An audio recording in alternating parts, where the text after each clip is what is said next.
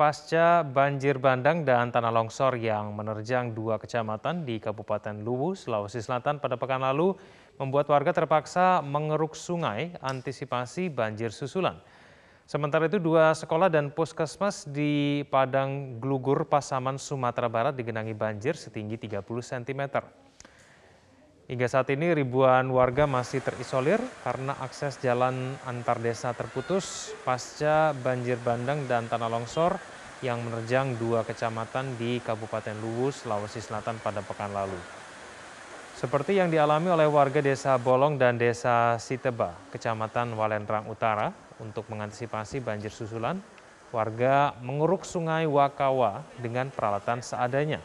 Seluruh masyarakat terlibat bahu-membahu mengangkat batu dari dalam sungai.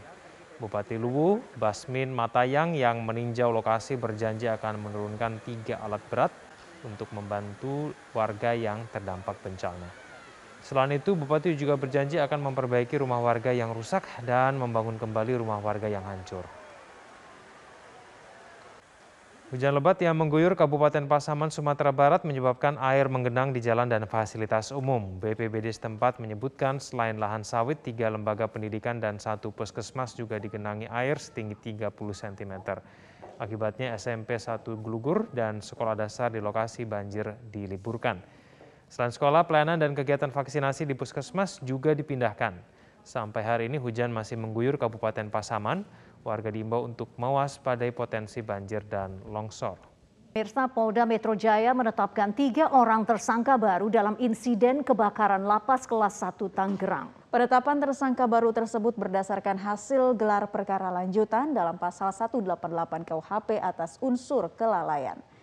Tiga tersangka baru yang ditetapkan oleh Polda Metro Jaya adalah JMN yang merupakan warga binaan, kemudian PBB, pegawai lapas, dan RS yang merupakan atasan dari tersangka PBB dari bagian umum lapas. Setelah dilakukan pemeriksaan, ketiga tersangka ini memiliki peran yang menyebabkan terjadinya kebakaran di lapas Tangerang. JMN dinyatakan lalai karena memasang instalasi listrik namun tidak memiliki keahlian. Sementara tersangka PBB yang memerintahkan JMN untuk memasangkan instalasi listrik tersebut dan RS adalah atasan dari PBB. Dari kelalaian tiga tersangka tersebut mereka terancam hukuman lima tahun penjara. Sebelumnya Polda Metro Jaya telah menetapkan tiga tersangka lain dalam kasus kebakaran lapas Tangerang pada 20 September lalu dan uh, RU S dan Y sehingga total tersangka dalam kasus kebakaran lapas Tangerang ini menjadi enam orang. Hasil gelar perkara yang kita lakukan yang dilakukan oleh teman-teman penyidik dari Krimopolda Metro Jaya kemarin hasilnya adalah ada penambahan tiga tersangka lagi ya di pasal 188 KUHP untuk pasal 55 dan 56 KUHP. Ya, di sini berisi adalah tentang kealpaan dari yang mengakibatkan terjadinya kebakaran. Ada tiga tersangka. Pemirsa sudah memasuki 10 hari, namun semburan api dari lubang sumur minyak ilegal di Desa Bungku, Kecamatan Bajubang, Batanghari masih berkobar. Tim gabungan dan pihak perusahaan setempat masih terus berupaya melakukan mitigasi dan penanggulangan. Kobaran api di lokasi meledaknya sumur minyak ilegal di kawasan hutan produksi di Desa Bungku, Kabupaten Batanghari Jambi, hingga hari ini belum juga mampu untuk dipadamkan. Akibatnya kawasan hutan negara yang berada dalam radius 3 km dari pusat kobaran api kini hangus terbakar. Tim gabungan dari BPBD, kepolisian, dan TNI kini hanya bisa melokalisir kobaran api dengan bom air dari udara. Alat berat yang dikerahkan ke lokasi terus berusaha membuka akses jalan agar kendaraan dan peralatan pemadam milik Pertamina Jambi dapat segera tiba. Jauhnya lokasi dari kabupaten membuat tim harus membelah kawasan hutan sejauh belasan kilometer untuk membuka akses jalan. Namun kini baru 7 kilometer akses yang terbuka. Upaya mitigasi dan pemadaman masih terus dilakukan oleh para petugas gabungan. Upaya melokalisir kebakaran harus dilakukan agar api tidak menjalar. Terlebih, posisi lubang sumur ilegal itu berada di lereng tebing bukit. Tapi karena posisi lubang sumur ini ada di lereng tebing bukit itu jadi di bawah itu lembah jadi waktu disiram itu minyaknya lebih jatuh lagi lebih ke bawah lebih cepat nah embung itu masih kurang ya untuk menampung minyak itu. Nah makanya hari ini eh, dilakukan lagi penambahan eh, untuk Sementara itu Pertamina juga telah berkoordinasi dengan SKK Migas setelah dilibatkan untuk melakukan teknis strategi pemadaman api dan panggulangan sumur. Gas. Jadi hal itu ada SKP teknis atau uh, saran-saran teknis untuk penanggulangan kebakaran dan penanggulangan sumur sendirinya itu akan kami sampaikan ke SKK Migas dan nanti SKK Migas akan mengevaluasi juga apakah advisor ya, atau saran-saran yang akan kami sampaikan itu bisa dilakukan untuk penanggulangan. Sumur minyak yang dieksploitasi secara ilegal ini meledak lebih dari sepekan yang lalu. Akibat insiden ini, seorang pekerja mengalami luka bakar yang sangat parah di sekujur tubuhnya dan seorang anggota polisi aktif yang berdinas di Polres Batanghari Jambi sudah ditangkap dan ditetapkan menjadi tersangka karena berperan sebagai pemodal dalam pengeboran sumur minyak ilegal ini. Pemirsa para warga binaan di sejumlah rutan yang ada di daerah divaksin COVID-19. Hal ini sebagai upaya mencegah penularan COVID-19 di dalam lapas. Sebanyak 493 orang warga binaan yang terdiri dari narapidana dan tahanan titipan menjalani vaksinasi tahap kedua di Lembaga Pemasyarakatan atau di Aula Lapas kelas 2A Bulukumba, Sulawesi Selatan.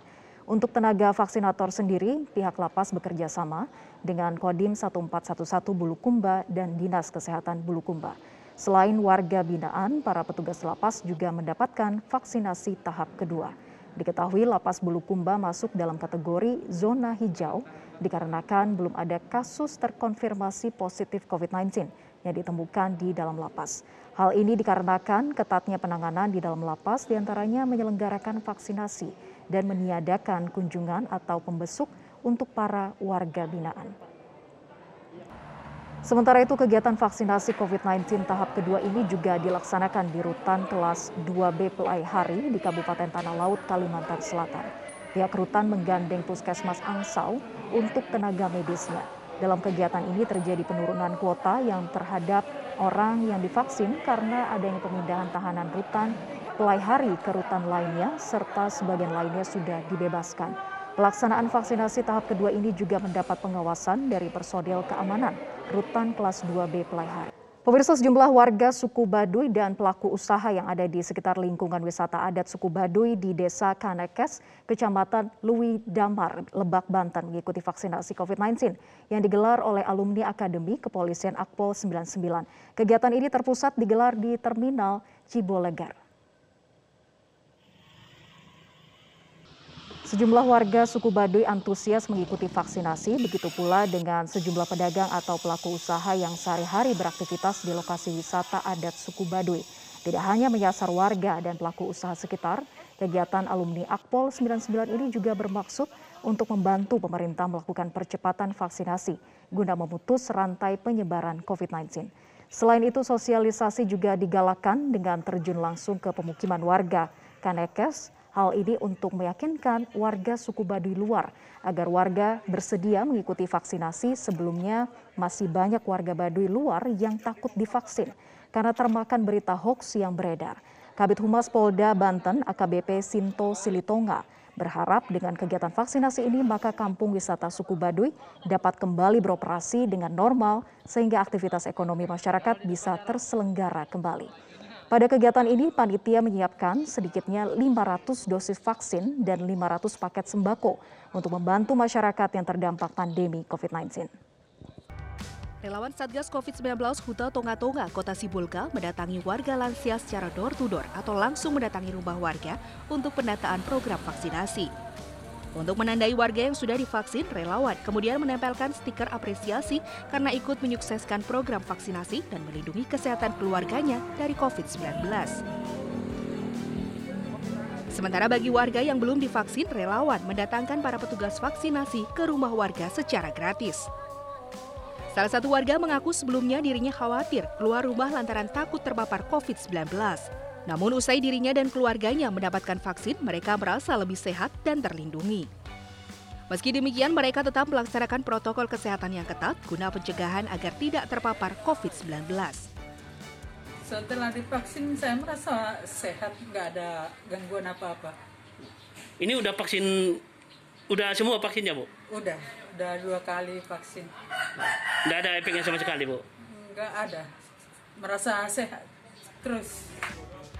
Menurut Ketua Satgas Kelurahan Huta Tonga-Tonga Kota Sibolga, Tigor Panusuri Tampunan, para warga yang divaksin dan melaksanakan disiplin protokol kesehatan akan diberi apresiasi dalam bentuk pemberian sembako. Dari jumlah penduduk kelurahan ini yang mencapai sekitar lebih dari 2.000 jiwa, 90 persen warga yang terdata sudah divaksin. Dan kita bersyukur setelah kita lakukan pendataan melalui program stiker-stiker ini, uh, sudah terdata bahwa ada 90 persen masyarakat Kelurahan Huta Tonga-Tonga itu sudah mengikuti layanan vaksin dari pemerintah baik itu polisi maupun TNI sehingga masyarakat kita sungguh luar biasa ya dengan kesadarannya mau ikut peduli dan melindungi keluarga, diri sendiri maupun masyarakat kita dari ancaman pandemi COVID-19. Selain warga di wilayah itu wajib menerapkan protokol kesehatan, warga daerah lain yang akan masuk ke daerah ini juga wajib menerapkan protokol kesehatan, salah satunya penggunaan masker. Tahukah Anda jika setiap tanggal 29 September diperingati sebagai Hari Jantung Sedunia? Dalam memperingati Hari Jantung Dunia ini, Media Group menggelar seminar kesehatan jantung. Selain seminar, Media Group juga menyediakan layanan cek kesehatan gratis.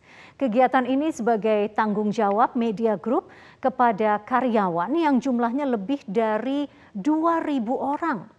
Kesehatan karyawan Media Group merupakan hal yang terpenting.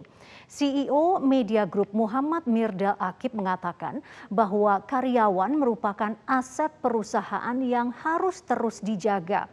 Ke depan kegiatan seperti ini akan terus ditingkatkan. Selain itu, dengan adanya kegiatan ini diharapkan kesadaran karyawan untuk menjaga kesehatan terus meningkat, tentunya untuk mengurangi potensi penyakit. Eh, Media Group khusus menyelenggarakan uh, acara dengan tema memperingati Hari Jantung Sedunia ini adalah dengan tujuan untuk uh, apa mengedukasi karyawan di Media Group yang jumlahnya lebih dari 9.500 karyawan di mana pada akhir-akhir ini juga bahwa serangan jantung di usia muda itu semakin banyak. Oleh karena itu, maka penting bagi media group untuk menyelenggarakan acara ini untuk mengedukasi karyawannya, memberikan eh, apa pengetahuan-pengetahuan melalui acara diskusi, webinar dengan menghadirkan narasumber yang berkompeten. Ya, pemirsa, pemerintah Provinsi DKI Jakarta telah melakukan evaluasi kegiatan belajar mengajar pembelajaran sekolah tatap muka atau PTM hasil dari evaluasi pertanggal 27 September 2021 sebanyak tujuh sekolah di DKI Jakarta ditutup sementara. Dari tujuh sekolah yang ditutup sementara, enam di antaranya karena kasus klaster COVID-19 dan satu dikarenakan melanggar protokol kesehatan. Hal itu disampaikan Wakil Gubernur DKI Jakarta Ahmad Riza Patria di Gedung Balai Kota, Jalan Merdeka Selatan, Gambir, Jakarta Pusat. Riza mengungkapkan menurut hasil evaluasi tersebut, tujuh sekolah yang ditutup sementara yakni Sekolah SD Klender, Jakarta Timur, terdapat tiga kasus positif COVID-19, SMK 66 Jakarta, ada seorang guru positif COVID-19, kemudian SD Pondok Rangon dan SMA Negeri 21 terdapat seorang siswa terpapar positif COVID-19. Kegiatan PTM juga dihentikan di SMP PGRI 20 dan SMA Negeri 25. Terdapat guru positif COVID-19 diduga mereka semua terpapar di rumah atau di perjalanan.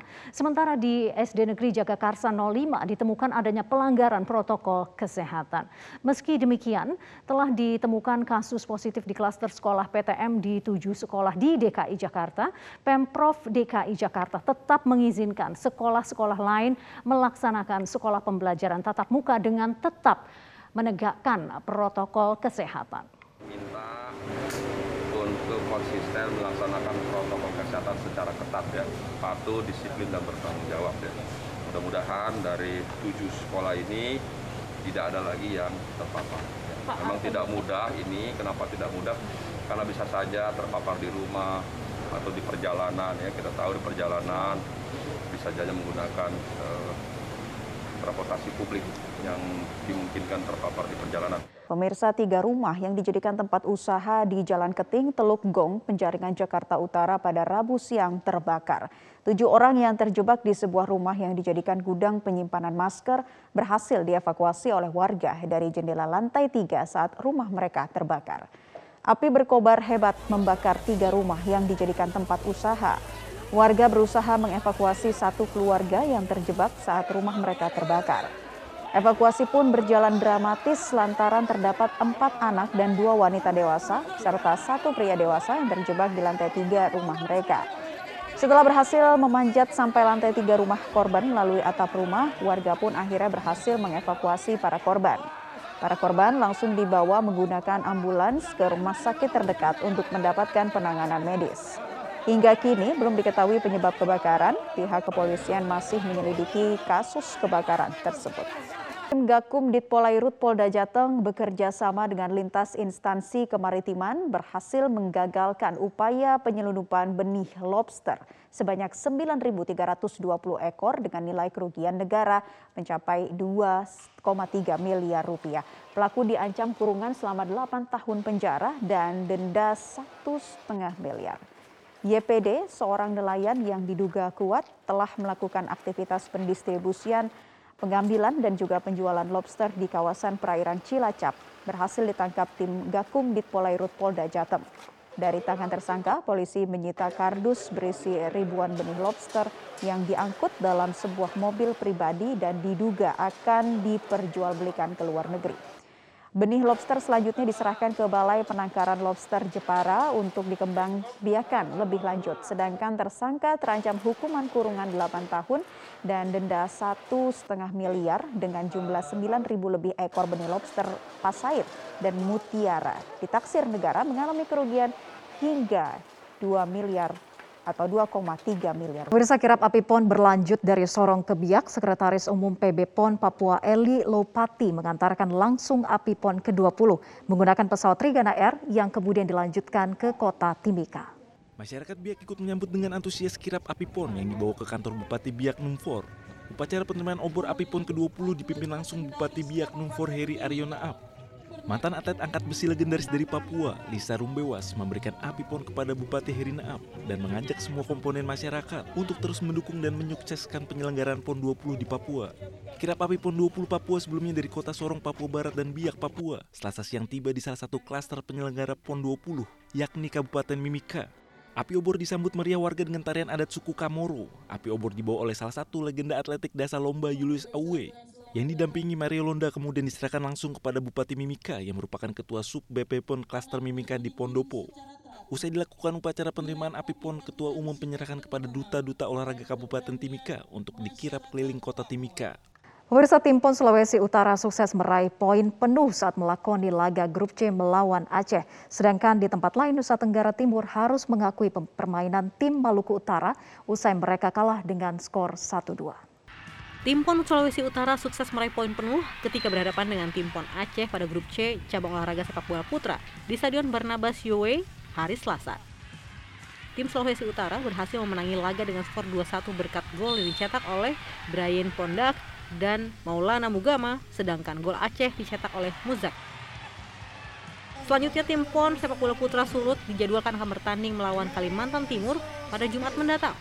Di sisi lain, tim PON sepak bola putra Aceh sudah dipastikan menang WO karena tim Bengkulu tidak hadir pada ajang PON ke-20 Papua 2021. Lalu di laga lainnya, tim PON Nusa Tenggara Timur berhadapan dengan tim PON Maluku Utara dalam laga lanjutan grup A di Stadion Mandala. Sama-sama memperlihatkan permainan yang ketat, tim PON Maluku Utara akhirnya mampu meraih kemenangan usai menutup laga dengan skor 2-1. Kemenangan ini sendiri akan digunakan tim PON Maluku Utara untuk modal melakoni laga berikutnya.